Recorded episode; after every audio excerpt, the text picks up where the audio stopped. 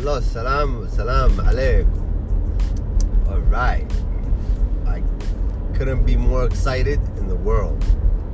On Saturday, the biggest event in the world is going to happen. Khabib versus, I don't know, his name is Justin, I think.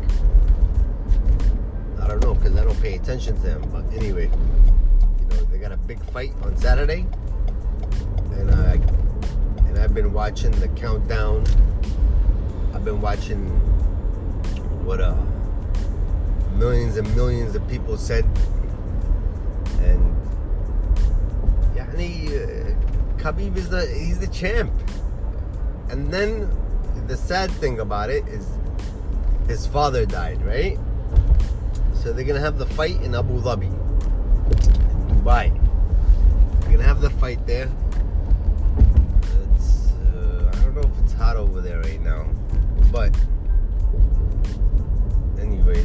Father died right a couple months ago, and his father was the you know his biggest supporter and coach. Is that gonna affect him in the fight? I don't know. I don't know. I hope it doesn't. I mean, he doesn't he grieved for a couple of months, but you know, he's a Muslim man. He knows better, right? And then that's another obstacle because his father's not gonna be by by the ringside, you know. If you have your support, your biggest supporter, and he's not there, I don't know. I don't know. Is it gonna affect him? Man, I hope it doesn't. The law, man. I'm just. I want him to win so bad. I want I want him to beat him, Yani, in the first round. I want him to just end it. Oh, that would be so sweet to the people. You know how many people that I freaking yesterday I couldn't even sleep because I'm watching all the people's comments and how they they they think he might win, but they want him to lose. They want him to lose, and and all I see is these white rednecks that want him to lose. Yani, because he's uh, I because he's uh, he's not he's not he's not their own. He's not their people. So that's kind of fucking bias. So, yeah, I mean, they're rooting for the white guy. That's what they're fucking doing. They're rooting for their boy.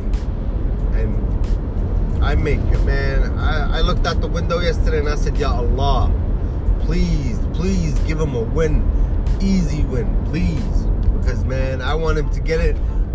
Yeah, I want him. Yani, the other, the other opponent, he's not bad. He's pretty fucking good.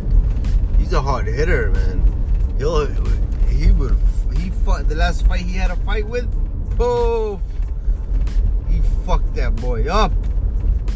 Yani, so Yani, I'm hoping that Khabib just ends it in the first round. I'm I'm praying that when he gets in the ring, he sees a beast in front of him. And Khabib just goes and just lets loose. Yani.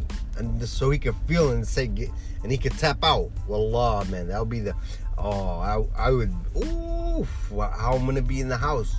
I already told everybody in the house on Saturday night, I don't want nobody in the house. I don't care where the hell you go or what you do. I don't want nobody here. Cause yani, I'm dying to see this, man.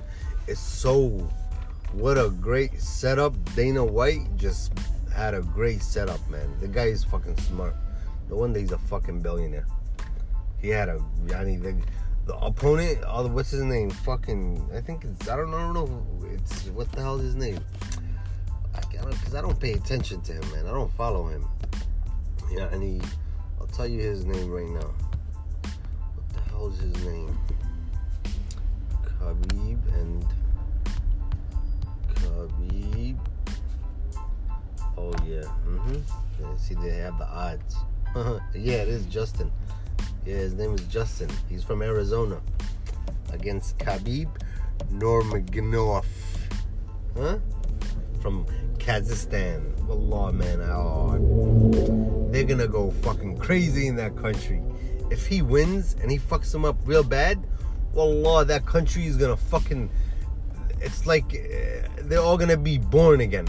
Wallah, يعني اي يحتفلوا حفله لا يعلم فيها الا الله oh my god I'm gonna be on the edge of my seat and Khabib is 28 and 0 Ya Allah make it 29 and 0 and then Justin look at that look he's fucking good he's 22 and 2 he lost two fights but he's 22 and 2 yani so that's a good fucking record man.